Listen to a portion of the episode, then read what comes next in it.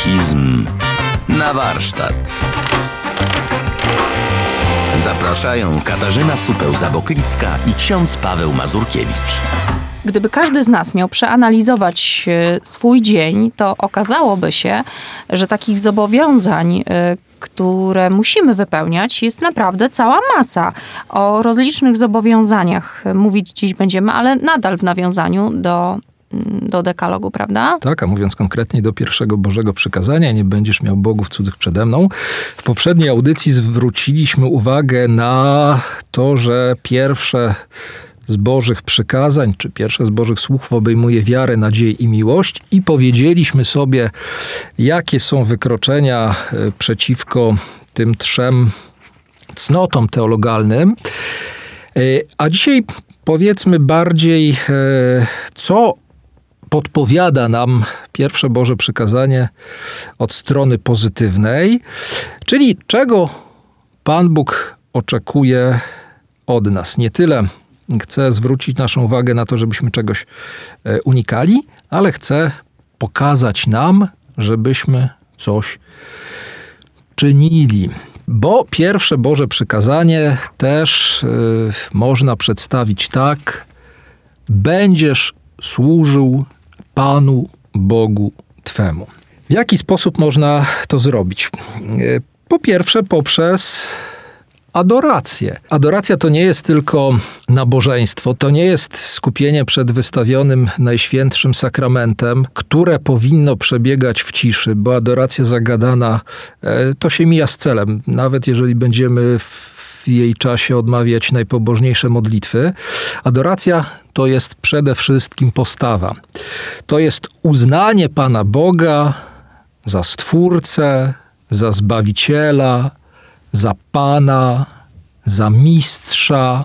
Adorować Pana Boga to uznawać po pierwsze Jego prymat, ale też uznawać względną wartość stworzeń. Katechizm mówi o nicości stworzenia nawet, które istnieje dzięki Bogu.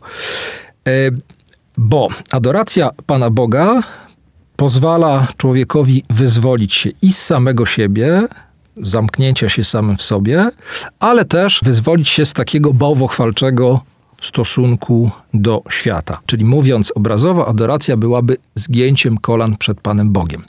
Ale możemy powiedzieć, że Pan Bóg oczekuje od nas również złożonych rąk, czyli oczekuje od nas modlitwy. Tym, do czego zobowiązuje pierwsze przykazanie, jest modlitwa. I katechizm mówi tak. Wzniesienie ducha do Boga jest wyrazem naszej adoracji Boga. W modlitwie uwielbienia i dziękczynienia, modlitwie wstawienniczej i modlitwie błagalnej. Modlitwa jest niezbędnym warunkiem posłuszeństwa Bożym przykazaniom. Oprócz złożonych rąk, musimy mieć jeszcze ręce rozłożone, czyli takie, które e, nie wskazują na branie, a na dawanie, bo również wypełnieniem pierwszego Bożego przykazania będzie ofiara. Z tym, że ofiara zewnętrzna, czyli to, co chcemy Panu Bogu dać, żeby była prawdziwa, musi zawsze być wyrazem ofiary duchowej. Psalmista powie: Moją ofiarą jest Boże duch skruszony. Pan Jezus, przypominając słowa proroka Zaasza, powie: Chcę raczej miłosierdzia niż ofiary. Czyli jeśli zdobywamy się na jakiś gest ofiarny, musimy pamiętać, że ma on znajdować pokrycie w naszym wnętrzu.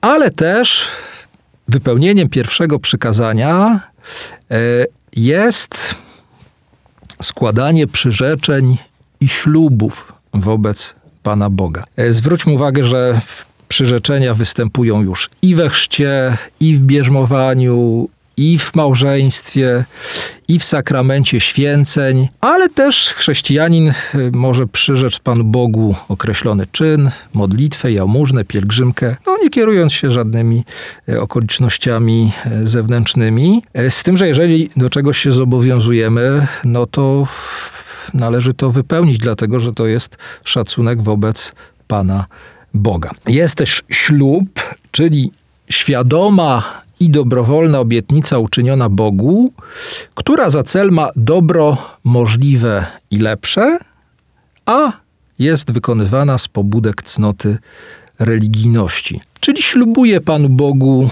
coś, do czegoś się zobowiązuje w sposób uroczysty, no i również mam to wypełnić. Także o ile modlitwa to są złożone ręce, o ile ofiara to będą ręce rozłożone, to przyrzeczenia i śluby, na które wskazuje pierwsze przykazanie, możemy zobrazować przy pomocy dłoni trzymającej długopis, bo podpisujemy w ten sposób pewne zobowiązanie.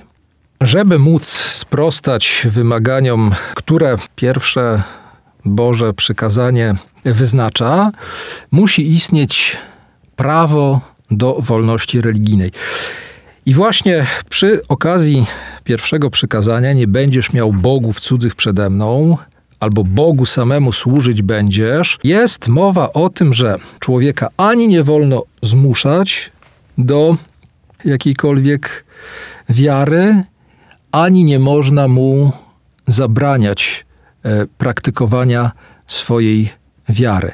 Czyli mamy prawo do wolności religijnej. Z tym, że uwaga, prawo do wolności religijnej nie oznacza moralnej zgody na przylgnięcie do błędu, ani rzekomego prawa do błędu, lecz naturalne prawo osoby ludzkiej do wolności cywilnej. To znaczy, w słusznym zakresie do wolności od przymusu zewnętrznego w sprawach religijnych ze strony władzy politycznej. Jedno krótkie przykazanie, a ile w nim treści.